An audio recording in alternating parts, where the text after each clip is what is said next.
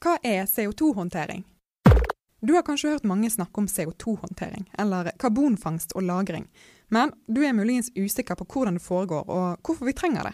Slapp helt av, om et par minutter har du full oversikt. Aller først, hva er det egentlig? CO2-håndtering er en teknologi som bidrar til å redusere CO2-utslipp i atmosfæren. Prosessen er delt opp i tre deler fangst, transport og lagring. I fangsten skiller man ut CO2 fra en gasstrøm fra fossil brensel. Deretter komprimeres CO2-en sånn at den blir flytende og tar mindre plass, før den sendes videre til transport i tankbiler, skip eller rørledninger. Og så fraktes den videre til et permanent lagringssted. Gassen lagres ved at den blir puttet dypt ned i geologiske formasjoner på land eller i havbunnen. Men hvorfor trenger vi CO2-håndtering? Verden må få ned CO2-utslippene for å nå klimamålene i Parisavtalen. Fornybar energi alene er foreløpig ikke omfattende nok til å dekke det globale energibehovet, og vi vil derfor være avhengig av energikilder som slipper ut CO2 i årene som kommer. Ifølge The Global CCS Institute vil det ikke være mulig å nå klimamålene uten CO2-håndtering. Og skal vi tro The Carbon Capture and Storage Association, kan hele 90% av CO2-utslippene fra kraftverk, storindustri og raffinerier fanges ved slik teknologi. Ifølge Det internasjonale energibyrået kan teknologien redusere verdens totale klimagassutslipp med opptil 28% Men det er ennå et stykke igjen før vi er der. Hvor utbredt er CO2-håndtering i dag?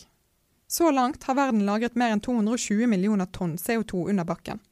På verdensbasis er det for øyeblikket 17 fullskalaprosjekter i drift og fire under oppbygging. Til sammen har disse kapasitet til å fjerne 37 millioner tonn CO2 årlig, som ellers ville sluppet ut i atmosfæren noe som tilsvarer at man hadde fjernet 8 millioner biler fra veiene. Flere slike anlegg er òg under planlegging, men eh, tallet på planlagte prosjekter har gått ned de siste årene. I Norge har selve lagringen av CO2 pågått i flere tiår, siden 1996 på Sleipner-feltet og 2007 på Snøhvit. Det som skulle bli det første fullskala renseanlegget i Norge, den såkalte månelandingen til den rød-grønne regjeringen på Mongstad, skulle etter planen stå klart i 2014. Men prosjektet ble skrinlagt høsten 2013, Kostnadene var for høye og usikkerheten for stor. På det tidspunktet hadde man allerede brukt 7 milliarder kroner. Første trinn i prosjektet, testanlegget, ble åpnet i 2012 og eksisterer fremdeles. Det foregår nå utbygging av fullskala CO2-fangst ved tre ulike industrianlegg i Norge. Norcem sementfabrikk i Brevik, Yaras ammoniakkfabrikk på Herøya og energigjenvinningsanlegget på Klemetsrud i Oslo. Etter planen skal CO2 fra disse anleggene fraktes med skip til et mellomlager, og deretter føres i rørledning til et lager i havbunnen i Nordsjøen. Statoil har valgt CCB på Kolsnes som mottaksanlegg for CO2-en. Gassen skal så lagres i Smedeheia-området, som ligger øst for Trollfeltet. Statoils lagringsplan har nå fått status som prioritert prosjekt i EU, noe som kan gjøre det lettere å få økonomisk hjelp fra EUs pengekasse. Så hvorfor satser ikke verden mer på en teknologi som kan bidra til å redde klimaet vårt? En av de største utfordringene med CO2-håndtering er at teknologien er dyr. De høye kostnadene fører til at prosjekter strander, Norge har som mål å finansiere minst ett fullskala karbonfangstanlegg innen 2022, men i høst vakte statsbudsjettet sterke reaksjoner da det ble lagt fram. For regjeringen har kuttet kraftig i beløpet som skal gå til karbonfangst og -lagring.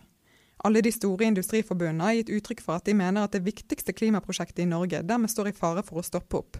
Statsminister Erna Solberg har sagt at regjeringen vil komme tilbake med et endelig svar i løpet av våren 2018, og senest i forbindelse med revidert nasjonalbudsjett. Men selv om teknologien er dyr, er det verdt å merke seg at de alternative kostnadene kan bli enda høyere. Klimaendringene fører som kjent til store ødeleggelser. Hvor stor må satsingen være i framtiden?